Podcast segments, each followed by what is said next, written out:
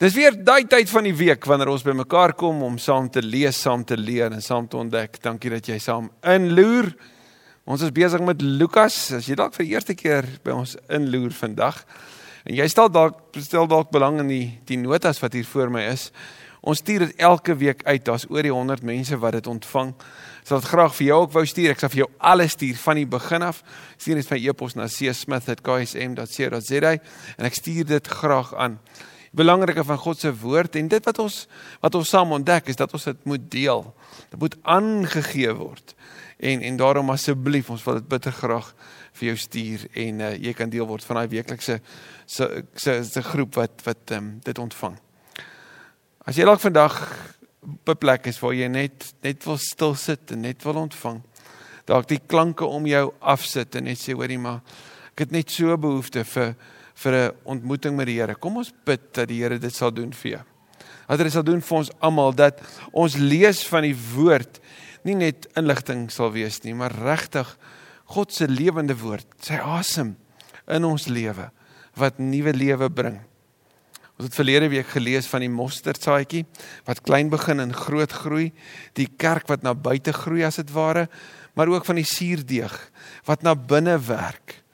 En dis die kerk na binne. So kom ons bid dat die suurdeeg van God se woord na binne toe sal groei want soos Jesus laasweek vir ons gewys het, ons moet aganizomai, ons moet ons inspann om by die smal deur in te kom. Ons moet ons alles gee. Want ja, soos wat hy oor Jerusalem sê, hy die Here Jesus, ek wil jou bymekaar maak. Hoe dikwels wou ek dit gedoen het en ek weet die Here wil dit vandag ook doen. Hy wil ons intrek soos 'n hen oor kykens ook vir ons vandag intrek onder sy vlerk dat ons sy woord kan hoor. Kom ons bid saam. Vader in die hemel, dankie dat ons U as Vader kan kan ken. Here, U is nie 'n God op 'n afstand nie. U is nie 'n 'n Here wat wat ons deur deur middel van allerlei rituele en simbole en in woorde en mantras moet probeer benader nie. Ons hoef nooit onseker te wees nie. Ons u kinders kan in volle volle geloofsekerheid vandag by u kom sit en ons kan u as Vader, as Abba aanroep. Dankie vir u woord. Here Jesus, dankie dat u hierdie hierdie kosbare waarhede oor die koninkryk met eenvoudige mense soos ons kom deel het.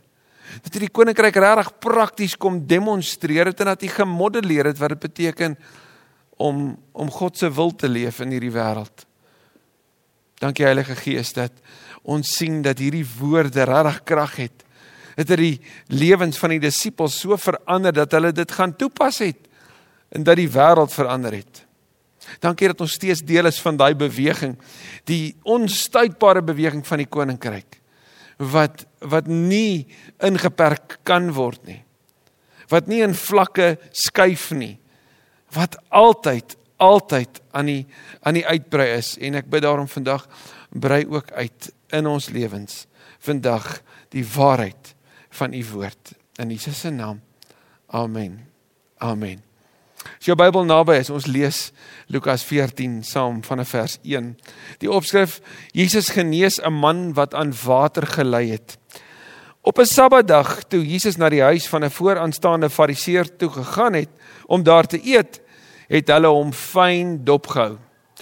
Nou as jy al rukkie saam met ons wandel, dan sal jy weet Jesus plus Sabbat is gelyk aan moeilikheid. Jy sien nou al 'n paar keer in Lukas gesien het dat 'n vooraanstaande Fariseërs vir Jesus sou nooi. Dit was die eer gewees vir die gasheer om vir almal natuurlik te kan laat weet, hoorie, maar kyk wie kuier by my. Die bekende prediker. Hulle oor wie mense praat, hulle van wie ander sê hy wat wonders doen. Hy wat genees. Wel, hy kom onder my dak in. Hy gaan aan my tafel kom kom sit as dit ware. Hy gaan saam met my eet en ons het die voorreg om by hom te leer. So, hierdie man vol trots nooi vir Jesus op 'n Sabbat. Hulle het hom fyn dopgehou. Nou jy sal onthou 'n paar hoofstukke terug het die Fariseërs begin om allerlei planne te maak. Hulle het hom fyn dopgehou om te kyk of hulle iets kan kry waarmee hulle hom kon vastrek. Want uiteindelik sou hulle hom mos plat trek aan die kruis. So hou hulle hom dop hier aan huis van hierdie Fariseer. Vers 2 reg voor hom was daar 'n man wat aan water gelei het. Nou die die woord daar is hydropikos.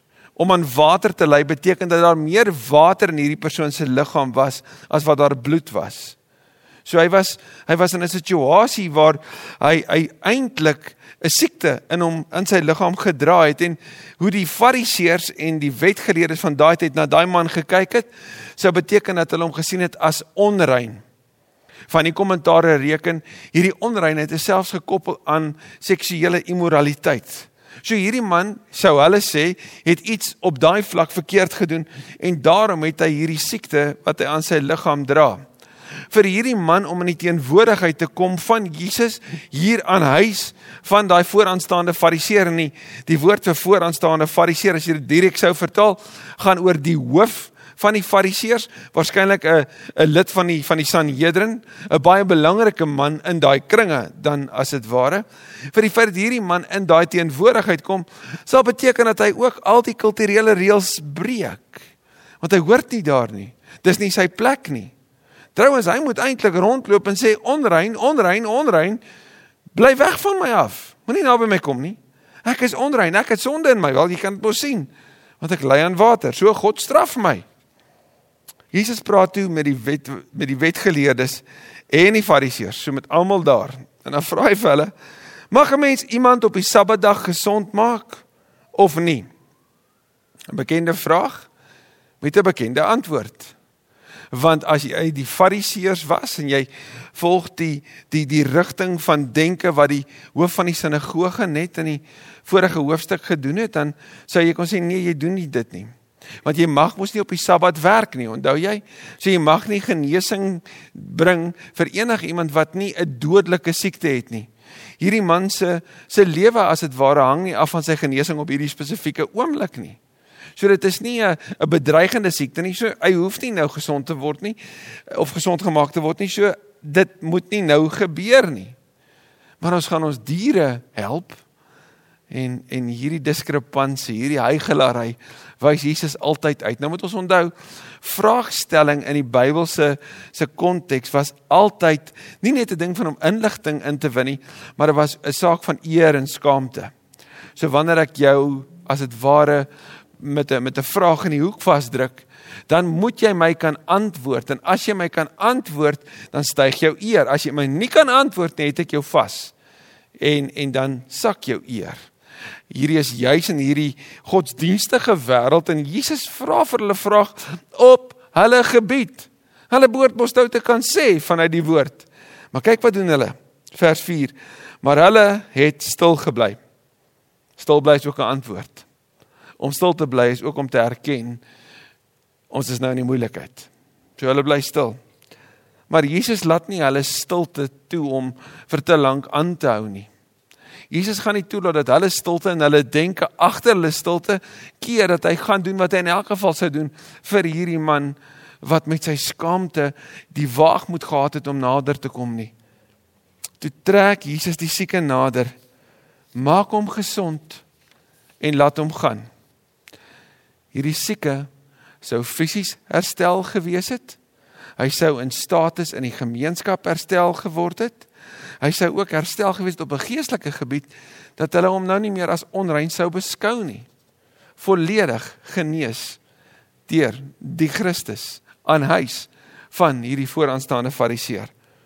Daarna sê hy vir hulle: "Sê nou 'n seun of 'n bees van een van julle val in 'n put." Hoor nou mooi. 'n Seun of 'n bees, 'n mens of 'n dier val in 'n put. Sal hy hom nie dadelik uithaal nie? Al is dit op die Sabbatdag. So hier antwoord Jesus dit wat in hulle gemoedere aangaan. Die mooi hiervan is die die seun in hierdie geval is natuurlik ook 'n verwysing na hierdie man, 'n seun van God vir wie Jesus genees het.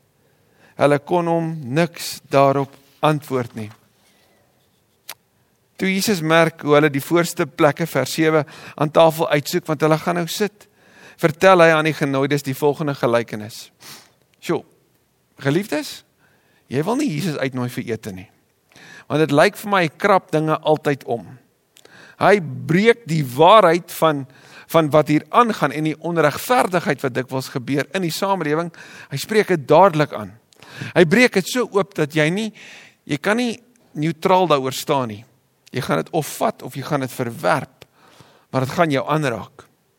Vers 7 sê hy dit hierdie gelykenis dan vers 8 as iemand jou na 'n bruilof toe uitnooi moet jy nie sommer op die voorste plekke gaan sit nie dit kan net wees dat die gasheer iemand uitgenooi het wat belangriker is as jy dan sal hy wat julle albei uitgenooi het na jou toe kom en sê gee 'n bietjie die plek af vir hierdie man jy sal dan tot jou skande die agterste plek moet gaan inneem.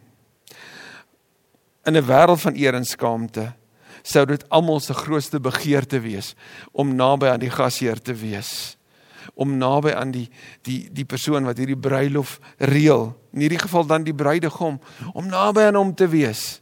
Soos jou begeerte om die eerste plek te hê. En en Jesus sê dit vir die mense wat besig is om hier die voorste plekke in te neem. Kan jy jouself indink hoe geafronteer sou hulle gewees het hoe hulle sou gesê het maar hoorie maar hy praat nou met my wat moet ek nou doen moet ek nou opstaan en skuif Ek bedoel, wa waaroor gaan dit nou hierso? Né? Nee? En dan sê Jesus, as jy die een was wat by daai bruilofees die die belangrike plek ingeneem het en die die die die die bruidegom sou kom en vir jou sê die gasheer sou kom en sê, "Hoorie, skuif 'n bietjie want hier is eintlik 'n plek vir iemand anders." Dan sal jy nie net die volgende plek inneem nie. Jy sal die heel laaste plek gaan inneem. Hoekom? Want net nou net nou neem jy 'n plek in wat iemand anders weer gaan moet kom inneem en dan gaan jy jouself dubbel verneder. So jy spring nie net een vlak laer nie, soos wat ons nou amper gedoen het nou met met hierdie lockdown nie. Nee, jy spring tot heel onder. Jy's heel agter. En almal dan gaan na jou kyk vanaf iemand wat baie belangrik was na die persoon wat die mees onbelangrikste by hierdie bruilof is. Ek weet nie van jou nie, maar as ek daai daai mense aan aan huis van daai fariseer by daai maaltyd was, sou ek 'n bitterskaam gekry het. Ek sou nie geweet wat ek wat om te doen nie. Jesus gaan verder vers 10. Maar as jy uitgenooi is, gaan sit liewer op die agterste plek. Wanneer die gasheer kom, sal hy vir jou kan sê, "Vriend, kom sit hier voor." Dan sal jy in die agting van al die gaste styg. Daar's altyd plek agter in die ry. Hierdie was baie belangrik geweest vir die disippels om te snap om te verstaan dat die koninkryk van God werk met 'n omgekeerde volgorde. Hulle wat eerste is, moet laaste wees. Hulle sou 'n paar maande hiervan af sien die aand toe Jesus hulle voete was. Hulle sou die dienende dienskneg van God sien. Die lydende kneg wat ook die een is wat voete was met 'n skottel en 'n kleed. Wat sê dit vir jou en my oor ons begeertes in hierdie wêreld. Wat sê dit vir jou en my oor die die wêreldbeeld wat ons moet hê? Die benadering wat ons moet hê, die invalshoek wat ons moet hê, die ingesteldheid. Gaan staan jy maar net weer in 'n in 'n ry by 'n snoepie by 'n by 'n laerskool. Dan sien jy al hierdie klein kindertjies wat nog nie verstaan dat dat jy maniere moet hê en, en agter moet staan nie. Nee, hulle begeerte is om nou vervul te word. So wat doen hulle? Hulle druk almal hier voor jou in. Hulle druk jou al meer agtertoe. Jesus sê vir die koninkryk van God moet jy juist die plek agter gaan soek. Want daar's 'n ander verhogingsproses wat vir jou wag. Kom ons sien dit vers 11. Elkeen wat hoogmoedig is, sal verneder word en elkeen wat nederig is, sal verhoog word. Ek lees op 'n keer true humility is not thinking less of yourself. It's thinking of yourself less. Hoor jy dit? Ware nederigheid is nie om minder van jouself te dink nie. Dit is eerder om minder aan jouself te dink. Om minder die hele tyd oor jouself te dink, maar eerder oor die van ander. En ons sien dit in Christus wanneer Paulus oor hom praat in Filippense 2, hy wat in die gestalte van God was, het sy bestaan op God gelyke wyse nie beskou as iets waarna hy hom sou vaskleef nie, maar hy het homself oorgegee en die gestalte van 'n mens aangeneem die vorm van 'n mens aangeneem, die vlees van 'n mens aangeneem. Maar hy het homself verder verneder toe hy toe hy nie net onder ons kom woon het nie, maar toe hy gesterf het aan 'n kruis. Heel, heel onder. Daarom het God vir hom verhef vir hom 'n naam gegee wat wat bo elke naam is sodat in die naam van Jesus almal sal bely dat hy God is. Sjoe. Die omgekeerde roete van 'n kind van die Here. Die omgekeerde volgorde van die koninkryk van God. Jesus het met die gaste gepraat en dit het hulle verseker aan die dink gesit. En die gasheer wat van hom wel, Jesus los hom nie uit nie. So hy draai toe na die gasheer toe en hy sê vir hom: "As jy in die middag of in die aand 'n maaltyd gee, moet dan nie jou vriende of broers of familie of ryk bure uitnooi sodat hulle jou waarskynlik ook weer uitnooi en jou op die manier vergoed nie." Daar's 'n Engelse begrip, reciprocity wat eintlik gaan oor 'n 'n wederkerigheid. Jy doen goed aan my, ek doen goed aan jou. Ja, doen jy weer goed aan my, dan doen ek weer goed aan jou. Dis 'n bereiding van ons ons was mekaar se ons cover mekaar. Ons doen nooit iets net vir goed doen nie. Ek doen dit sodat jy dit weer kan terugdoen aan my. So niks is uit ware welwillendheid nie. Dis eintlik uit 'n stukkie selfsug. Want ek wil dit terugkry. Nou in 'n wêreld van eer en skaamte sou dit mos sin maak dat wanneer jy goed doen aan iemand, dan gaan jou eer styg. So hulle moet goed doen aan jou. Ek onthou ons het in die Nederlandse kortverhale wat ons gedoen het daar in matriek, het ons geleer van Tannie Visie en Tannie Bella, hierdie twee vrouens wat wat mekaar probeer probeer ehm um, oortref het met hulle goedheid. En so sterfte een tannie toe, ek weet nie wie van die twee was dit toe nie. En sy los toe geld vir die ander vrou oor. So asof haar om te sê, "Skaakmat, ek het gewen." Wat het die ander tannie toe gedoen? Wel sy het vir die res van haar lewe gesorg dat daar elke week nuwe blomme op die graf van hierdie vrou was. So half was om te sê, jy het gedink jy wen. Nee nee nee, hier is jou blomme. Jy, kan jy sien die vrymoedigheid en die vreugde waarmee sy die blomme gelos het? Nooit. Dis amper half ek sal teruggee. Ek sal teruggee want jy het mos nou maar vir my gegee, so nou moet ek maar teruggee.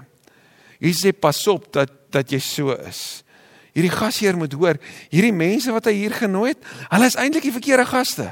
Hy moes eintlik ander mense genooi het. En die ironie is hy het vir Jesus genooi. Wat sê Jesus? Vers 13.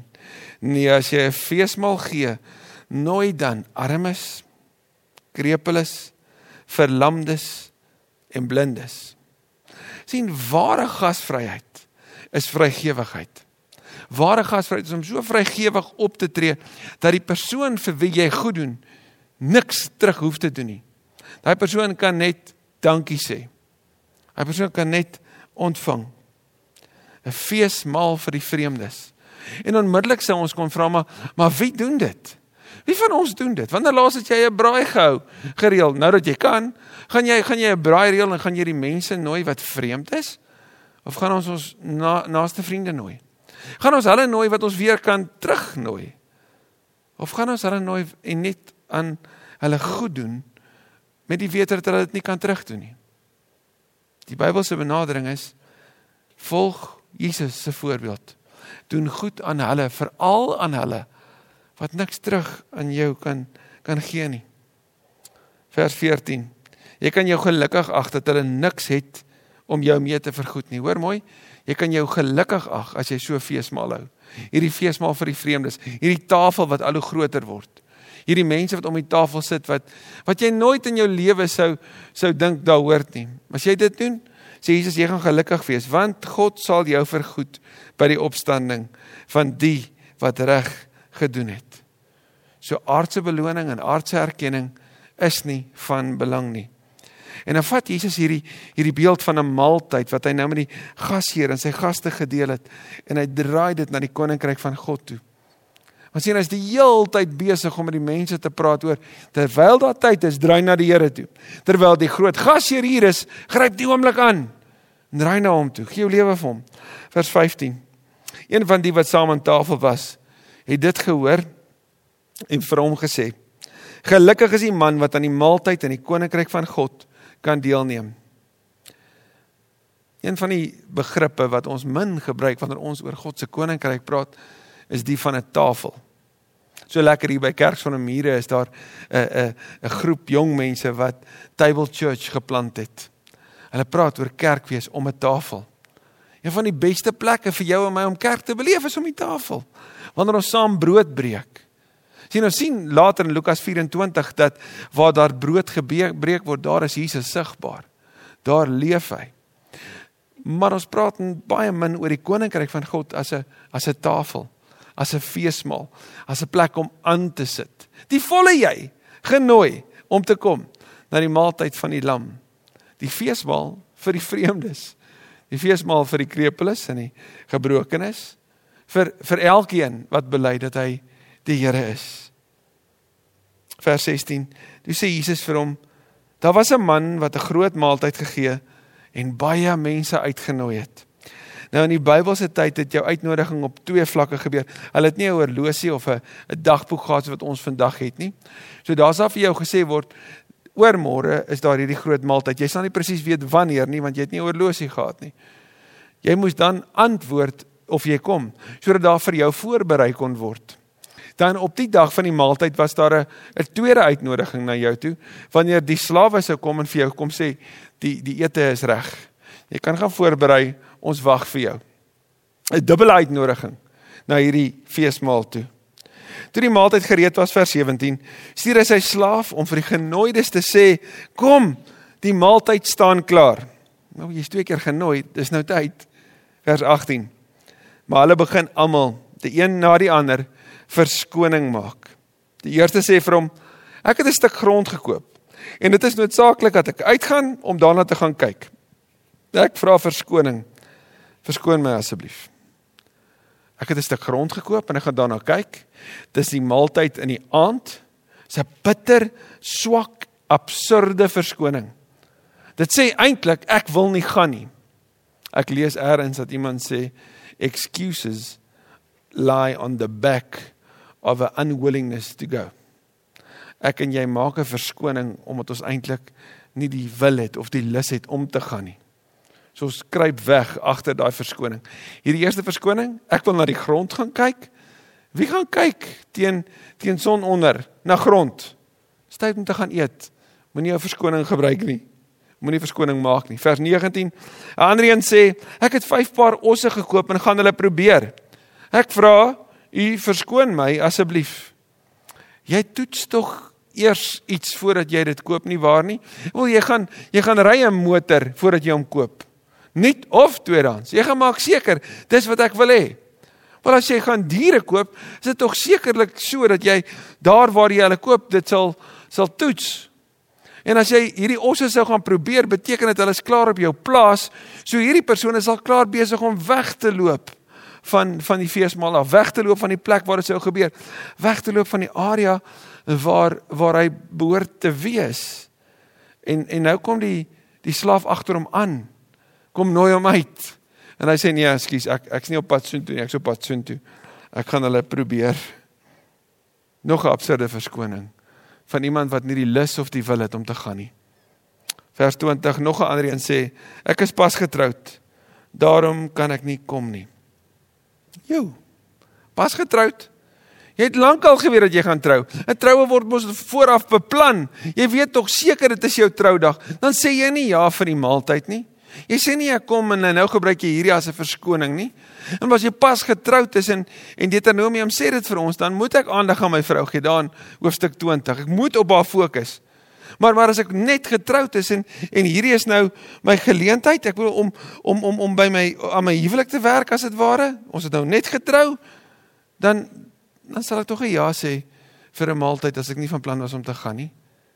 So die so die dryfkrag en die begeerte om te gaan was daar nie.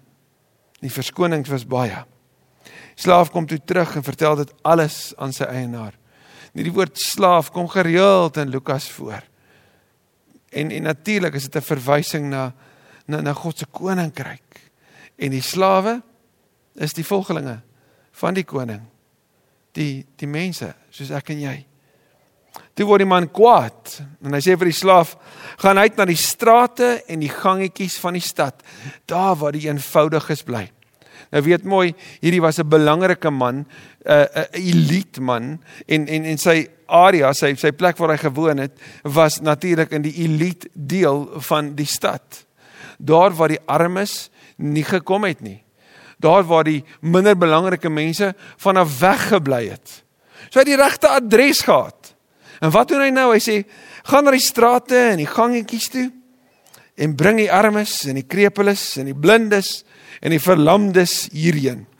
Nou moet jy jouself indink as jy hierdie storie hoor. Hierdie hierdie gasheer van Jesus het hierdie mense genooi. Hy het vertel wie hulle moet moet moet eintlik moet nooi. Nou vertel Jesus van die koninkryk en hy sê wat hierdie gasheer gedoen het is hy het gesê jy gaan bring daai mense wat nie welkom eintlik is nie en jy maak hulle deel van hierdie fees. So jy krap eintlik my bure om. Want my bure sê vra wat soek daai mense hier? Later kom die slaaf en sê vers 22 meneer u opdrag is uitgevoer en hoor hierdie woorde En daar is nog plek. Dis asof die die slaaf iets verstaan wat hier gebeur. Daar's nog plek. Ons kan dit nog volmaak. Toe sê die man vir die slaaf: "Gaan uit na die paaie en die lanings en dring by hulle daarop aan om in te kom." In die stad was mense sigbaar. Kon jy hulle vinnig opspoor? Maar wanneer jy uit die stad uit beweeg het, daar by die paaie na die ander stede toe, na die ander dorpies toe, in die lanings, daar waar die waar die waar die plante was, waar die die armes, die krepeles, die die mense wat hulle self as onrein beskou het kon wegkruip, daar was dit moeiliker om hulle te sien. So die die soektog raak moeiliker en belangriker gaan soek hulle, dring by hulle daarop aan om in te kom sodat my huis kan vol wees.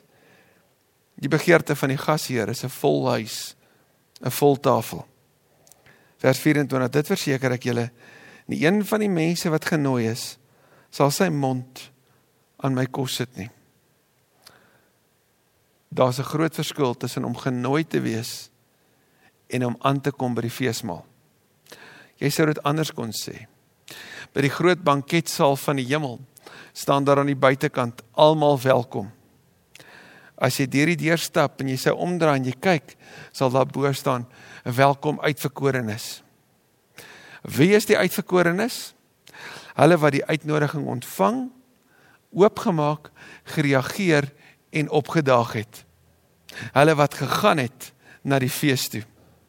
Toe ek en my vrou getroud was, toe getroud is toe het ons 150 gaste genooi.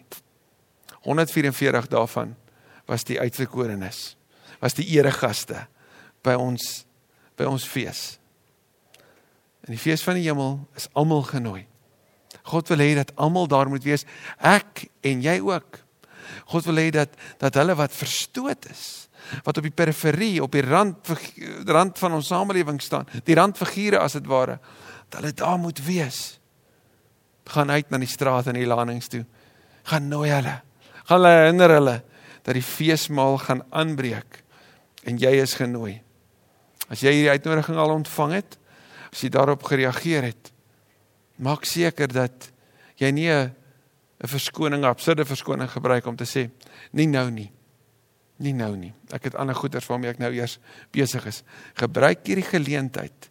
Want soos die waarskuwing hierin is, daar kom 'n tyd wat die groot gasheer gaan sê jy's nie welkom in my huis nie want ek het jou genooi. Jy het dit aanvaar maar jy het nie gekom nie. Jy het nie gekom nie. Kom ons hoor die woord van die Here ook vir ons vandag. Kom ons bid. Vader as ons dink aan aan kos en ons dink aan 'n feesmaal en ons dink aan die die die die gesprekke om 'n tafel die besig wees dan dan voel ons iets van die hemel Dan sien ons iets daarvan ook hier in Jesus. Dankie dat U die gasheer is wat vir die vir die verkeerde mense kom nooi het. Ook vir ons kom nooi het om te kom. Help ons om in hierdie dag nie so luk raak met hierdie uitnodiging aan te gaan om te gaan dat ons dink dit is dis vir eendag nie. Maar dat dit juis vir vandag is. Dat ons vandag sal aanvaar, Here Jesus, U is die Here. U het vir my sondes gesterf. Ek glo dit. Ek wil vra dat U die Here weer van my lewe sal kom wees. Ek wil kom aansit saam met U by die tafel. Ek wil U volg. U is die die die die weg en die waarheid en die lewe. En U lei my na 'n feesmaal toe. Mag hierdie beeld van die feesmaal vir ons inspireer wanneer die pad daarheen vir ons moeilik raak, uitdagend raak en onseker raak. Mag wanneer ons in 'n tyd van rou dink aan ons geliefdes wat wat ons vooraf gegaan het, hulle wat wat die wedloop voltooi het. Dat ons sal onthou maar hulle sit aan die aan by die feesmaal van die lam. Dat ons hulle dit sal gun en ook ryk halsend sal uitsien daarna wanneer dit ons beurt is. Ons bid dit in die naam van Jesus ons Here. Amen. Amen. Ons sien jou uit om volgende week weer as die Here wil saam met jou te kuier. Nooi sommer ander vir 'n vir ete en herinner hulle aan die feesmaal vir die vreemdes.